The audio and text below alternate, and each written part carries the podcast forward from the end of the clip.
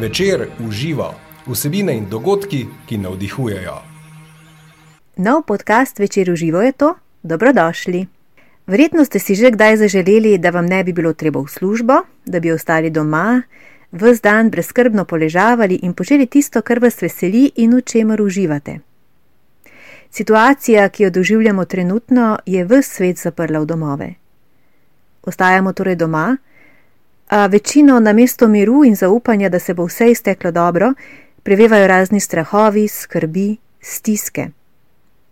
Kako nastalo situacijo čim bolje izkoristiti zase, svoj notranji svet in odnose, ter kako iz nje oditi mirno in morda z več modrosti, o tem bomo govorili v današnjem podcast združenju.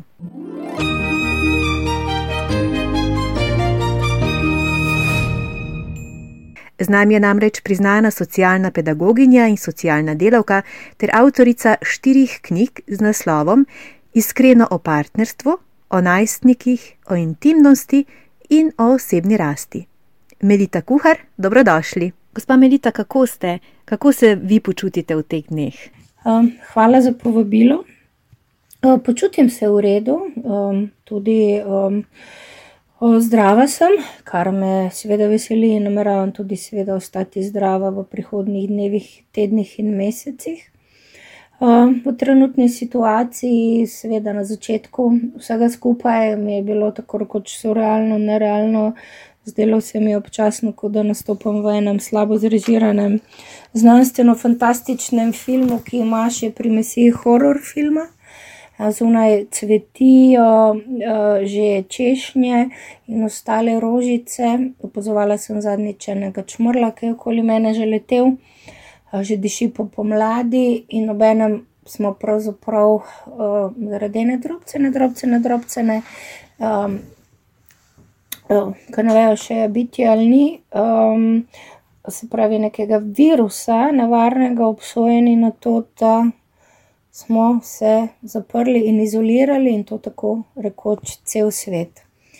Pa vendar, jaz se počutim uh, v redu, nekaj trenutkov sem bila zmedena, kakšen teden nazaj, sedaj sem pa čisto v redu. In pravzaprav čas, ki sem ga takole dobila. In uh, nehala hiteti in se ustavila, s pridom uporabljam za to, da počasi delam neko introspekcijo, da delam neke počasne uh, načrte, kaj bom, kako bom, uh, da se fokusiram na to, da sedaj si privoščim spanje, da počivam, se relaksiram, se ukvarjam z meni dragimi osebami, sicer ja, nadaljavo. Da delam s strankami po Skypu ali po Facebooku, FaceTimeu, WhatsAppu, Viberju. Kaj ti, no, potrebna, potrebna je kontinuiteta in nadaljevanje svetovalnega procesa. Veliko ljudi trenutno doživlja različne strahove, stisko, zaskrbljenost, nemoč, paniko. To so verjetno popolnoma naravni odzivi na nastalo situacijo, kaj ne? E, tako je, normalna, normalna in nagonska odzivnost nas ljudi je, da doživljamo zaradi negotovosti in tega, da ne vemo, kdaj se bojo trenutno nastale razmere pravzaprav zaključile, um, doživljamo vsi mi uh, strah in uh, zaskrbljenost, in ker ne vemo in imamo več nadzora nad lastnimi odločitvami in lastnim življenjem, ker pravzaprav se moramo um, podrediti zahtevam. Um, Virusa, oziroma koronavirusa, ki ne izbira ne statusa, ne poklica, ne materialnega bogatstva, ampak enostavno vsi smo samo ljudje pred njim, bolj ali manj ogroženi. In enostavno tukaj je na mestu in je prav, in naša čustvena stanja si jih dajmo priznati, da smo zaskrbljeni, da stisko občutimo, strah pred prihodnostjo, kaj se bo zgodilo, kako bom preživel, kako bojo moji dragi.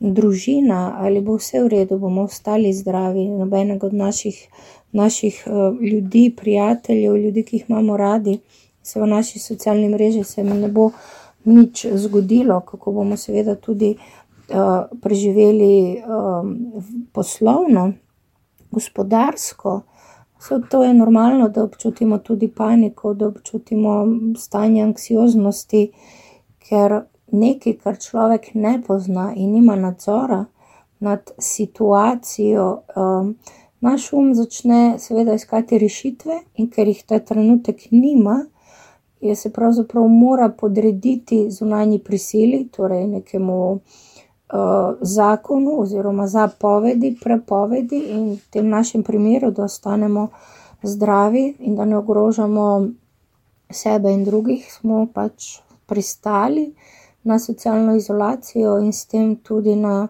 vse neke svoboščine in svobodo, um, ki so nam bile do sedaj samoumevne. Sedaj je res čas za, za eno res um, zelo močno inventuro sebe, vsakega od nas, odnosov med sebojnih, odnosov do denarja, odnosa do posla, do poslanstva, odnosa do družine, odnosa do širše skupnosti, do družbe, do države in ne nazadnje sedaj tudi ugotavljamo, da smo vsi majhen delček na tej naši zemlji in da smo pravzaprav vsi povezani in da smo vsi v tem istem čovnu boja proti neznancu, ki se imenuje koronavirus in da seveda že po celem svetu berem iščejo različne, čim hitrejše možnosti cepiva in zdravila. Uh, tako da spremljamo naša čustvena stanja in čustvene odzive. Seveda pa je pomembno, ali smo mi nekako se jih zavedamo in smo zaradi tega tudi v nadzoru nad njimi, ali pa pustimo, da nas v celoti preplavijo in porinajo v v močne strahove in iz tega izvirajočo pasivnost in predanost usodi. Jaz nekako vedno svetujem, da ja, seveda občutimo strah, pa vendar ne pustimo strahu in stiski, da nas ohromijo, dovolimo, da to občutimo in vseeno poiščimo možnosti, da se, da se vseeno pri, vsaj približno relaksiramo, da se s kom pogovorimo, da se pomirimo in da tudi se soočimo in sprijaznimo za to trenutno nastalo situacijo, kajti ta trenutek popolnoma nič nihče od nas ne more spremeniti, za nazaj sploh ne, za bodoče ne vemo, kaj bo, torej lahko samo tukaj in sedaj se umiri, umirimo, sodelujemo eden z drugim, se slišimo, uh, si izmenjujemo majhne pozornosti in tako vemo, da smo en drugemu pomembni.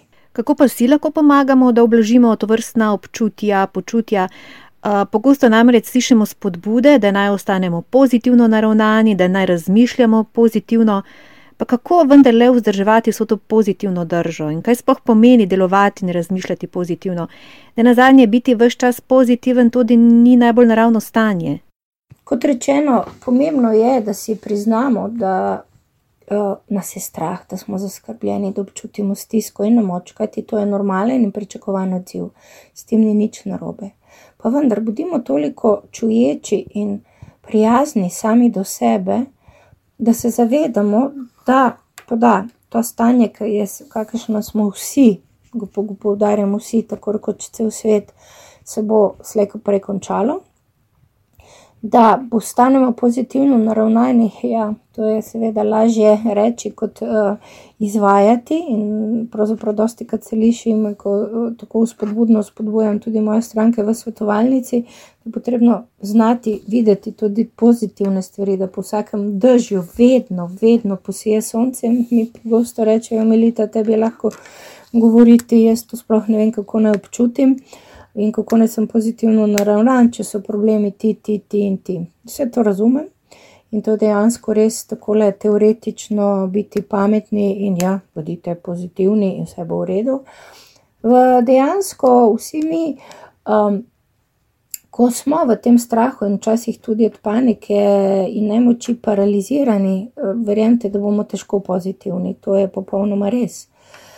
Pa vendar, glede na to, da nas bo neka negativna naravnanost, pesimizem, um, neka taka črnogledost pahnila v še večjo uh, stisko, v še večjo paniko, s katero smo bodi, se bomo dejansko težko izvili in potem lahko to postanejo tudi kronične skrbi, lahko jim rečemo tudi že neka depresivna stanja. Je potem ven iz tega izlesti mnogo težje, kot če enostavno si priznamo, da se ne počutimo v redu, da nas je strah. Vse dosti krat vsakega od nas je bilo v življenju že strah in smo bili postavljeni pred situacijo, ko smo bili na močni, ko je bilo nekaj novega, kar nam ni bilo poznano, pa vseeno, dajmo premisliti in se spomniti, da smo našli rešitve, da smo vedeli, da se bo enkrat končala neka neprijetna situacija, da bo enkrat posijalo sonce. No, na takšen način se lahko iz teh pozitivnih naših realnosti, preteklosti, s kateri smo se, upam, da marsikaj tudi naučili, da vseeno smo spretni, smo močni, smo zdržljivi kot posameznik in tudi kot družba, da se ne predamo kar takoj. Da iz teh majhnih, drobnih zmag, osebnih in družbenih in zgodovinskih, na vse zadnje lahko črpamo voljo in moč, da si oblikujemo bolj optimistično uh, naravnanost ali pa recimo temu, kot ste vprašali, um, bolj pozitivno držo. Ne gre čez noč, to je pravzaprav biti pozoren na to, da ko bi že zdrsnili v neka pesimistična, črnogleda, temna stanja in scenarije, da se zavedamo, da tega res nimamo nič, razen da se smilimo sami sebi in da širimo paniko med ljudi, da se rajši umirimo, si skuhamo čaj, si zmeditiramo ali pa enostavno kričimo uh, v pošter in s poštrom opletamo po postelji, da damo napetost jezo na moč ven. Se umirimo in si rečemo, ok, tole smo zdaj vsi v istem zosu, dajmo zdaj počasi. In nekako previdno si oblikovati eno zavedanje, da tudi tega bo konec in moramo biti močni in spočiti, da ko bo vsega skupaj konec in se vrnemo spet vsakodnevnim socialnim stikom, opravkom, službam, druženju, obiskovanju družine, starih staršev in tako naprej, da smo zdravi, seveda, bodimo zdravi, tako telesno, kot psihično, kot umsko, kot duševno.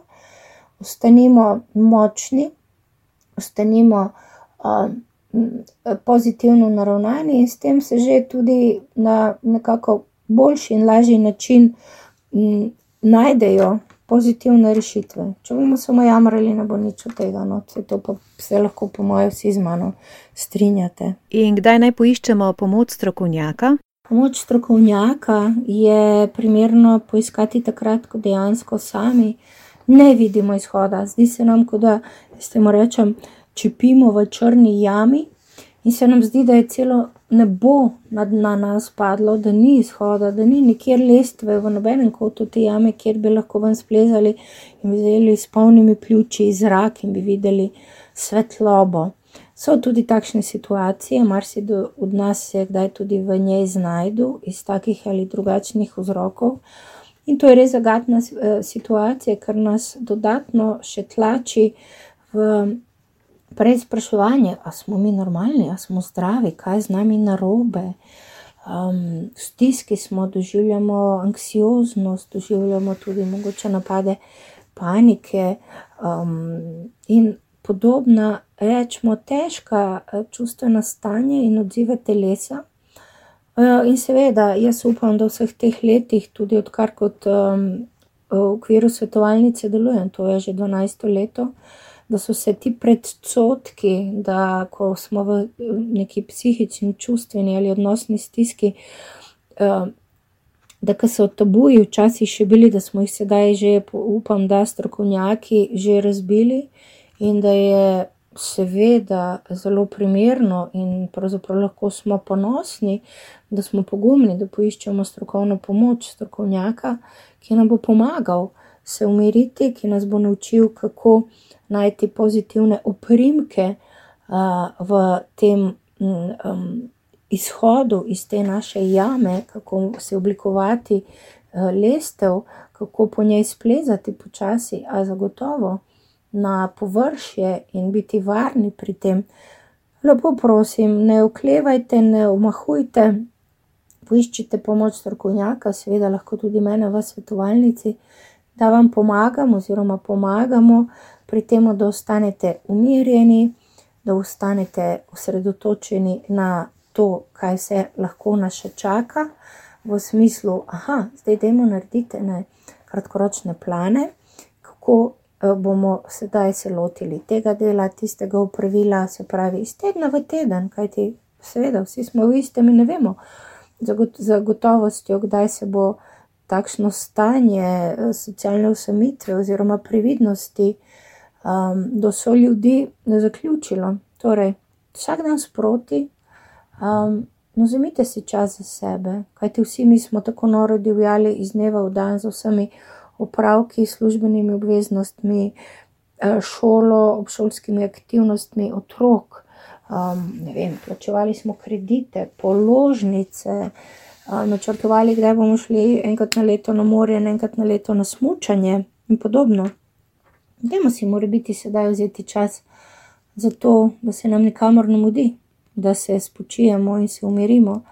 In tudi pri tem ozaveščanju, da ta trenutek je točno tako, kot je, pač je, vam lahko tudi strokovnjaki pomagamo. Ne, ne bodite v strahu, da je to nekaj uh, napačnega, da to se ne spodobi, da se lahko sami zmoremo. Lejte, zato smo strokovnjaki, da pomagamo. Tudi mi smo ljudje, tudi mi se moramo kar naprej izobraževati, učiti in delati na sebi, zato da lahko vam, ostalim, adekve, adekvatno in kompetentno pomagamo. Tako da kar brez zadržkov, tabujev in nekih stereotipov, da moramo biti pogumni in da bi vsak to že moral in zmogel in vedel premagati. Gospa Melita, kako poteka vaš dan, zdaj, ko ostajate doma, kako ga usmišljate?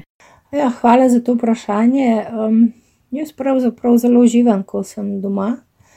Um, kajti, glede na to, da sem očitno zelo storilnostno naravnana in uh, sem kar pogosto bila v pisarni in imela veliko terminov z strankami, sedaj, ko sem doma, izkoristim za to, da se naspim, da počivam, včasih grem, priznam, tudi popoldne, kar malce odremati, no, vse zadnje nisem več v najbolj uh, mladih uh, letih.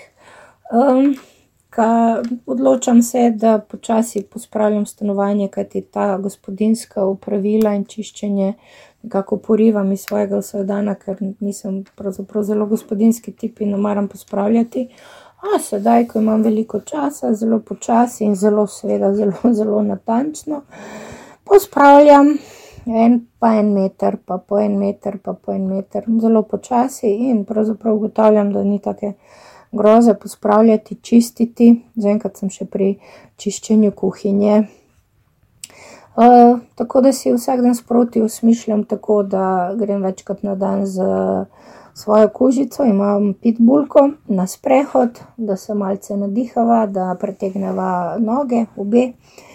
Um, usmišljam si ga tako, da načrtujem in pravzaprav pišem nove članke, kajti to nekako me osrečuje in sploh sem vesela na feedback bralcev mojih člankov, ki jih objavljam v različnih medijih, no se zadnje pa tudi na blogu svoje svetovalnice, se pravi spletne strani svetovalnice.si. Um, oblikujem um, načrte, kako se bom lotila nekako oblikovanja še pete knjige, se pravi, to je iskreno o različnih vrstah odnosov, ki bo nekje na jeseni šla pri založbi Primus in česar se tudi veselim. Tako da majhnih kratkoročnih načrtov imam veliko. Zelo me usrečuje, ko se vidim svojo hčerko, ki je sedaj v Sloveniji, um, ko se lahko druživa in sva v ena drugi najboljša družba. Usrečuje me si usmišljam dan tako, da se uh, po video klicih vidim in klepetam in čakam z meni dragimi ljudmi, prijatelji in družino. In moram vam povedati, da zelo hitro vsak dan posebej mine.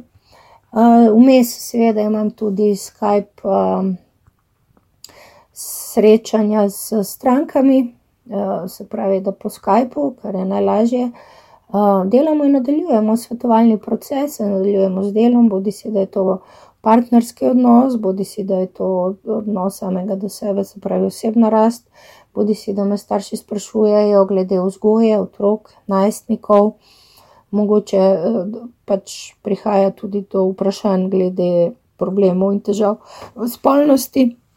Tako da izzivov imam veliko, Um, stranke mi zaupajo in nekako z novimi tehnologijami, pravzaprav, ker smo prisiljeni, delamo nadaljavo. In uh, to je, mislim, da še dodaten čar in izziv, kako se adaptirati, se pravi, vsak od nas, kako se je prilagodil in kako se še bo na nove izzive današnjice in pravzaprav vse možnosti, ki nam jih nove napredne tehnologije eh, nudijo. Um, tako da jaz sem zelo vesela in hvaležna, da imam elektriko, da je tekoča voda, da sem na toplem uh, v teh dnevih, uh, ko pravzaprav se spet nek polarni mraz vrača. In da, seveda, imam internetno povezavo in s tem okno v svet. Tako da sem pravzaprav zelo hvaležna vsak dan sproti. Eh, strokovnjaki tudi spodbujajo k natančni organizaciji dneva, k ustvarjanju rutine kot načina premagovanja stresne situacije. Zakaj, gospa Melita, je rutina pomembna? Rutina je pomembna, ker nam pomaga oblikovati strukturo glede na posamezne aktivnosti, ki jih izvajamo tokom dneva. Glede na to, da sedaj se vsi mi nahajamo v močni stresni situaciji, kjer je večina nas eh, pravzaprav tudi eh, zaprta za, za, za zidovi naših domov, je zaradi tega toliko pomembnejše, da se počutimo varne, namreč sama rutina nam daje tudi občutek varnosti, ker vemo, da zdaj imamo tole za pospraviti, da imamo. Tole za urediti, aha, naslednje, aha, zdaj gremo kuhati, aha, zdaj bomo otrokom pomagali domače naloge delati, in pravzaprav neka ta rutinska opravila nam šparajo energijo, se pravi, vrčujemo za energijo, obenem pa tudi z časom v teh stresnih situacijah, v katerih se sedaj nahajajo, zaradi tega pomembno, da nam to daje neko prizemljenost in da preko rutiniranih opravil. Um, imamo tudi občutek, da obvladujemo situacijo. Zdi se nam, da imamo nadzor nad uh, svojim življenjem, kajti imamo nadzor nad upravili, ki smo se jih lotili in ki nas še čakajo, da se jih lotimo. In uh, v tem primeru je rutina pomembna. Prisiljeni smo torej ostati doma. Nekatere družine pa so sploh prvič skupaj tako ujete v lastnih domovih. Na dan prihajajo pravi obrazi odnosov, pravijo, da bo ta kriza pokazala, kje smo v odnosih tako do drugih kot do sebe. Veliko ljudi se zaradi napetosti in skrbi tudi skrega. Pa me zanima, ali so to vrstne reakcije, ti konflikti, kregi med eh, družinskimi člani, med partnerji normalni, potrebni in zdravi, oziroma kako naprej po takem konfliktu.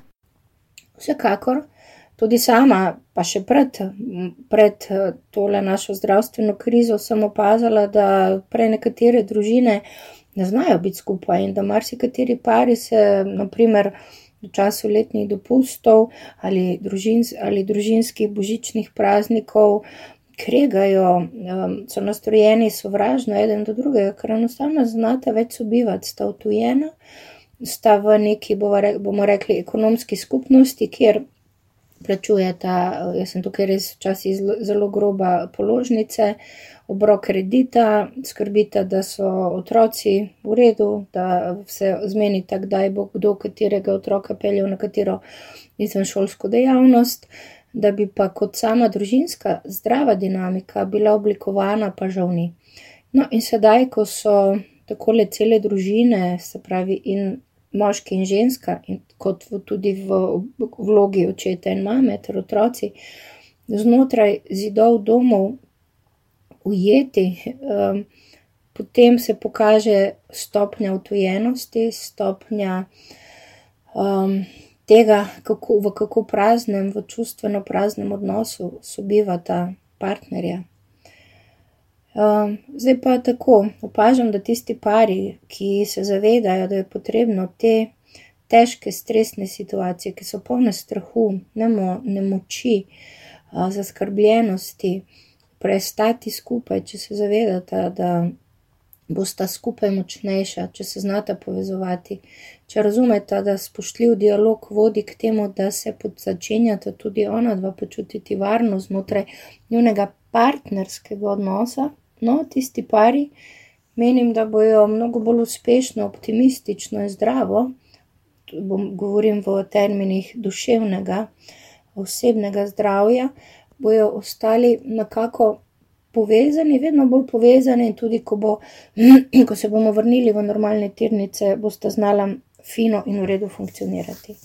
V takem, bolj zdravem partnerskem odnosu, kjer se zavedate, da nič ne bo bilo uspešno samo od sebe in da je res potrebno medsebojno sodelovanje in naklonjenost, se bodo tudi otroci počutili varno in tako oblikovana družinska dinamika bo tudi otrokom dajala varnost, strukturo, počutili se bodo um, upoštevane, slišane in tudi ne bojo strah prihodnosti, ne bojo v paniki, kaj bo, kdaj se bomo vrnili v šole, kaj bo z našim učnim uspehom in tako naprej. Seveda, uh, kot poprej rečeno, mnogi otujeni partnerski odnosi se bo ta razdor, praznost odnosa, otujenost se bo v veliki meri tudi poglabljala. Ker pa smo ujetniki znotraj štirih sten in ne more noben se sedaj umakniti v delo, v to, da je potrebno ustajati na delovnem mestu 10-12 ur na dan, ker moramo vedeti, da marsikateri partner ali partnerka je sicer bil uspešen, zato ker je zelo, zelo veliko delo, ampak po drugi strani včasih, ko takšne posameznike vprašam v svetovalnici, ja, zakaj, čemu je pa potrebno tako močno delati in garati. Vsak pravzaprav na prvo žogo reče, zato da lahko otrokom in uh, ostalim družinskim članom privoščim počitnice in da v nekem dobrem standardu živijo, pravzaprav, ko se pa bolj poglobimo v odnos, pa pogosto ugotovimo, da gre za beg od soočanja s praznostjo partnerskega odnosa. In tako prazni partnerski odnosi so sedaj absolutno na zelo težki preizkušnji kajti že na splošno negotovost situacije, kdaj, kdaj se bo vse to skupaj zaključilo, kakšne bojo posledice takšnih spremenjenih medsebojnih odnosov, tudi na družbeni ravni, kaj bo z našimi službami, s prihodki, kako bomo plačevali. Položnice in kredite, in tako naprej, vse to vodi v še dodatne napetosti, v pesimizem, v to, da ta negotovost zelo lahko še dodatno poškoduje partnerski odnos. In uh, otroci, ki sobivajo blizu tako staršev, ki sta nesrečna, žalostna, razočarana, utujena, eden od drugega, ki ne znata več normalno in prijazno in sočutno komunicirati, temveč samo se še derete, eden od drugega se kregata. In sta v konfliktih, absolutno ne morejo imeti zadovoljene potrebe po varnosti, potem, da se počutijo mirne in um, z optimizmom zrejo v prihodnost, temveč se še dodatno bremenjujejo s tem, ja, kaj pa z očem, kaj pa z mami, plus, seveda, odšolajo se od doma, plus, ja, kaj pa bo, slišijo starša, kako sta nastreden proti drugemu, kako je oba starša najverjetneje tudi strah prihodnosti in tako naprej, in to v otrocih povzroča še dodatno stisko, frustracije in tesnobo. Zato uh, pozivam starše, dajte bodite lepo, prosim, zreli, odrasli. Dajte razumeti, da sedaj so izredne situacije in da pač morate se tudi vidva soočiti s tem, da je vajen partnerski odnos na preizkušnji.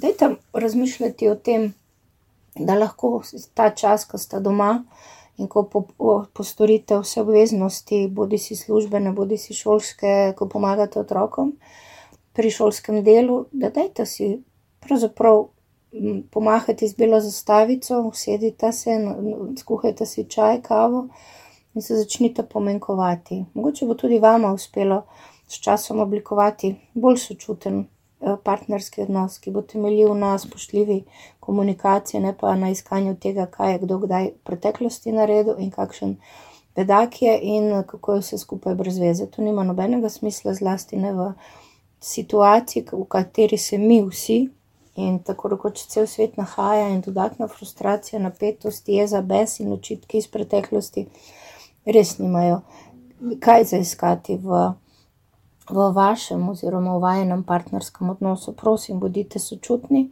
bodite zreli in dajete tudi na tak način s lastnim zgledom mir in varnost vašim otrokom. Tako bo prihajalo do situacij, ker boste vsi v družinskem krogu se počutili sprijete, mirne, varne in bo tako tudi lažje počakati na, na konec stanja, v katerem se sedaj vsi nahajamo. In če se vrnemo k otrokom, gospa Melita, kako jim lahko pomagamo razumeti nastalo situacijo? Otroci so Eh, bistra bitja, ne podcenjujemo njihovega razumevanja trenutne situacije. Ne na zadnje, naši otroci tudi razumejo, da se dogaja nekaj nenavadnega, namreč starša sta doma, on kot otrok je doma, eh, šolski puk poteka preko računalniških zaslonov. Polno je novic, ki eh, delajo zaskrbljene obraze očetu in mamici. Um, in zato vedno pravim, da je otrokom, seveda za njihovo starost, primerno je zdravo jim razložiti, kaj se v resnici dogaja, katere so nevarnosti, kako se moramo zaščitniško in samozaščitniško uh, obnašati, kaj je v teh časih dovoljeno in kaj ni. Sedaj so pač izredne razmere za vse nas in tudi otroci naj vedo, da se morajo tudi oni previdno gibati od zunaj kako se seveda umivamo, kako razkožujemo roke, kako uporabljamo pravilno masko in tako naprej. Ne delamo panike, ne delamo histerije, ne delamo črnih scenarijev, temveč smo stvarni, realni in jaz pač, kakršna sem, vedno znova rečem, pa tudi z nekim svetlim, optimističnim pogledom, kajti jaz sem res trdno prepričana, da ko, bo, ko bomo premagali koronavirus in nastale napete družbene situacije, da bomo išli tudi kot družba bolj sočutni, bolj prijazni, um, bolj sodelujoči in menim, da je to tudi neka pozitivna posledica trenutnih stisk in uh, dni in tednov in mora biti mesecev, ko bomo se morali prilagajati na takšno situacijo, da ne bomo mogli živeti, kot smo do sedaj bili navajeni, pa pravzaprav, če bom zelo iskrena, tudi razvajeni. Um, do otrok bodimo iskreni, zakaj? Ko otroku razložimo dano situacijo in smo stvarni, in smo zreli, in smo ljubeči, in s tem omogočimo, da imajo njihovo, se pravi, otroci, zadovoljeno potrebo po varnosti. To pomeni, da karkoli se bo dogajalo, vedo, da so varni znotraj družine, družinske celice in znotraj tega, kako se oči in mami razumeta. Zato lepo prosim, bodite odrasli, bodite zreli, bodite odgovorni, bodite sodelujoči, bodite ljubeči in kot takšni boste največ pripomogli k temu, da se, bo, da se bodo tudi otroci počutile, počutili mirne, varne, sprijete in seveda previdne ter odgovorne. Um, in se to mislim, da je tudi dobra popotnica za kasneje, ko bomo zaživeli spet neko naše normalno, navajeno in seveda spet hitro razvajeno življenje. Kako pa lahko otrokom pomagamo pri šolskem delu, zdaj se namreč šolajo od doma? Uh, tako je, otroci se šolajo od doma in kot berem in se pogovarjam tudi z strankami, mi pravijo, da šolskega dela je veliko, da sami otroci so kar disciplinirani, zavedajo se, da je sedaj nekaj drugače, pa vendar se vidi, da pogrešajo tisti živi osebni stik z učiteljem ali učiteljico. Marsikateri starši tudi niso opolnomočeni, niso kompetentni razlagati snovi, ki je tudi že v osnovni šoli, tudi že v nižjih razredih, da je prav zapletena in kompleksna. Um, jaz bi tukaj predlagala, da se starši ne vmešavajo kaj preveč v šolsko delo, da seveda razložijo snov, vse približno tako, kot to znajo učiteljice, vsaj približno poudarjam, da pa prepustijo delovne naloge in tudi kako se bodo otroci znašli, kako bodo um, se učili in osvajali snov, ki jo pa absolutno morajo absorbirati, temu to pustiti otrokom in, in jim tako dovoliti, da postajajo vedno bolj uh, odgovorni in se zavedajo svojega doprinosa k učenju in šolskemu delu. tako razvijajo tudi sam, kompetence samostojnosti, tega, da so sposobni sami se naučiti, ko pa seveda kaj ne vejo, ne razumejo, seveda pridejo starše poprašati po pomoč.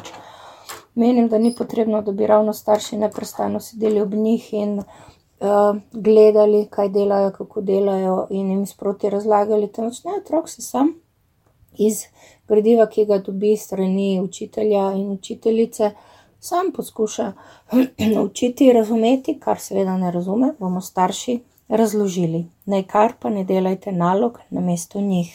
Hiter tempo, ki nas je potiskal na rob izgorelosti in nam kvaril kakovost bivanja, se je ustavil.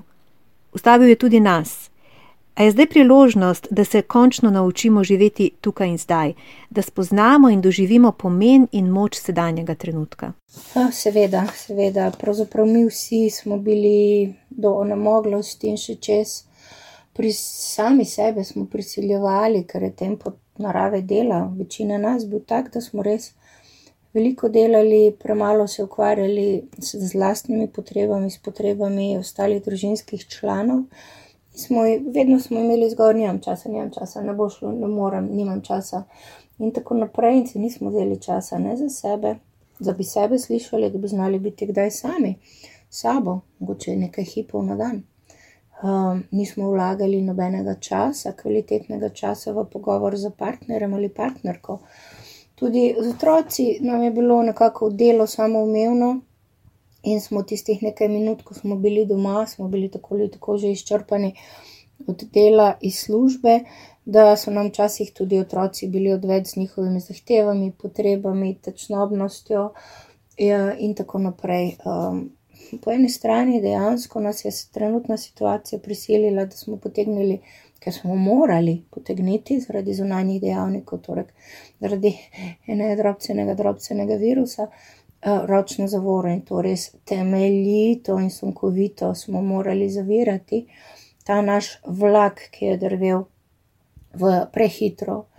Uh, in mora biti je dejansko to res, in vedno bolj se s tem strinjam, to priložnost, da se v tem ustavitvi, da pridemo do razmisleka in, in analize našega življenja, našega tempa, naših prioritet kaj si mi v resnici sploh želimo, če se mogoče ne želimo več početi ali pa vsaj ne na takšen način, koliko časa si bomo tudi v bodoče, ko bomo že v normalnem, normalnih razmerah zaživeli, si bomo vzeli za sebe, za naše drage, za otroke, kako bomo negovali partnerske odnose in kako bomo ustvarjali kvalitetno, ljubečo in povezano družinsko dinamiko.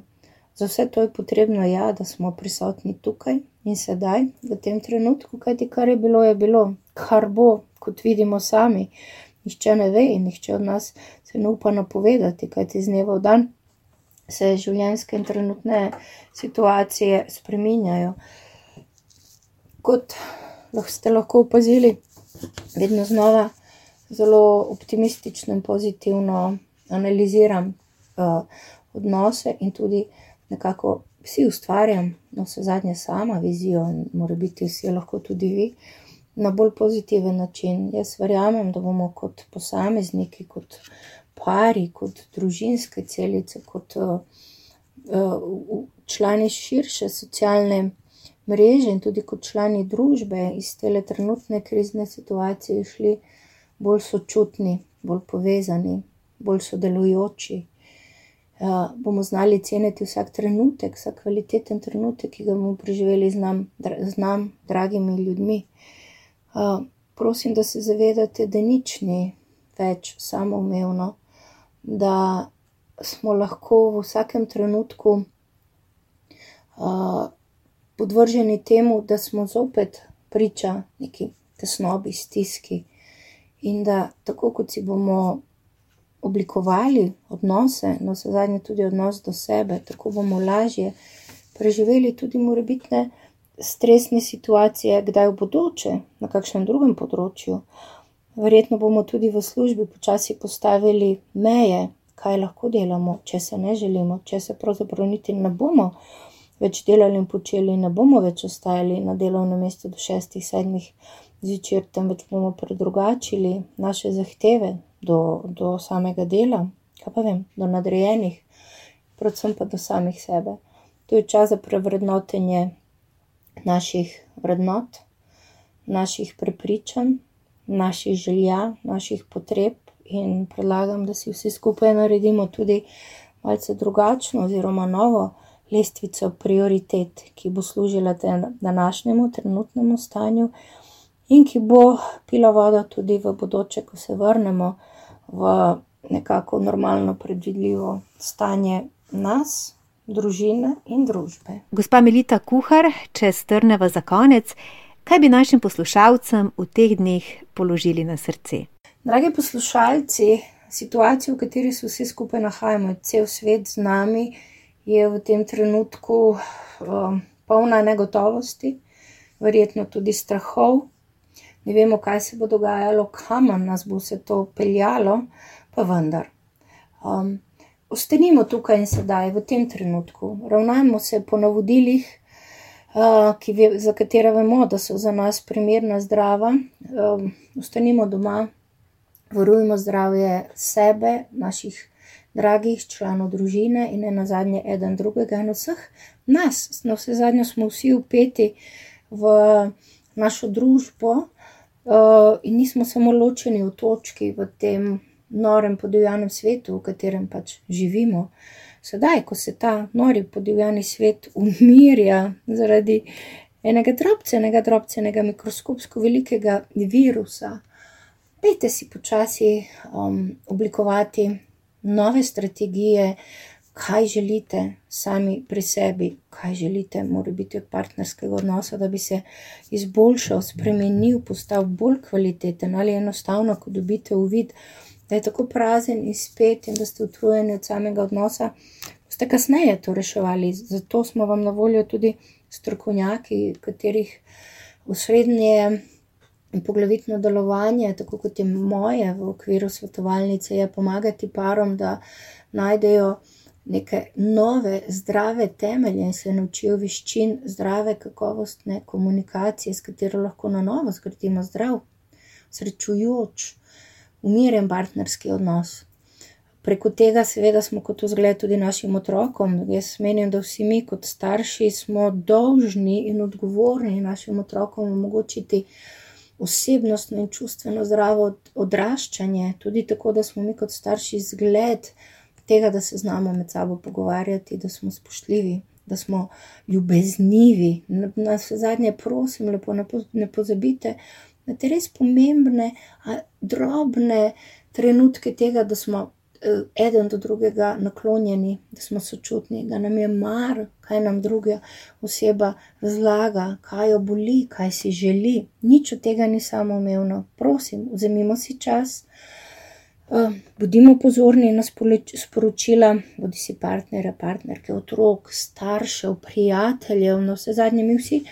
Sedaj, ponovem, ko imamo tudi več časa, video, eh, se kličemo, eh, se smejemo, komuniciramo in na vse zadnje bom tudi priznala, tudi samo ugotavljam, da se pogovarjam in se gledam preko telefona z mnogimi prijatelji, za katere bom priznala, nisem imela časa, včasih tudi po pol leta.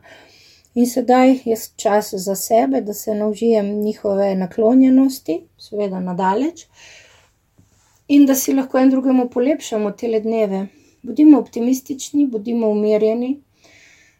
Če si bo vsak od nas nekako oblikoval bolj zdravo strategijo, kako bomo, ko se bodo zadeve normalizirale, bolj povezujoče, bolj tvorno, uh, za manj prepiro in bolj z večjo. Eh, sodelujočo energijo, pač tudi se ne bomo ravno strinjali, vendar bomo se spoštovali v različnosti mnen, bomo zapeljali našo osebno, partnersko, družinsko barko in s tem prispevali k bolj umirjeni, eh, sočutni družbi na širše, v kateri bo zdrav dialog potekal. Potem je pravzaprav ta trenutna situacija imela veliko moč in velik pomen.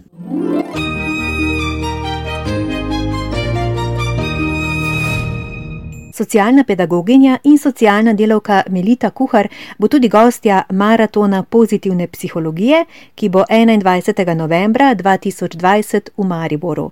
Karte za dogodek bodo na prodaj v prihodnjih tednih. Do takrat pa vas vabimo k prebiranju knjig avtorice Melite Kuhar, izbirate lahko med naslovi Iskreno o partnerstvu, Iskreno o vzgoji in najstnikih, Iskreno o intimnosti in Iskreno o osebni rasti. Več podkastov večer v živo in več o dogodkih večer v živo najdete na spletni strani trikratvojni www.com poševnica v živo in na facebook strani večer v živo. Z vami sem bila Maja Furman, ostanite zdravi in ostanite doma. Srčno in srečno, dok malu.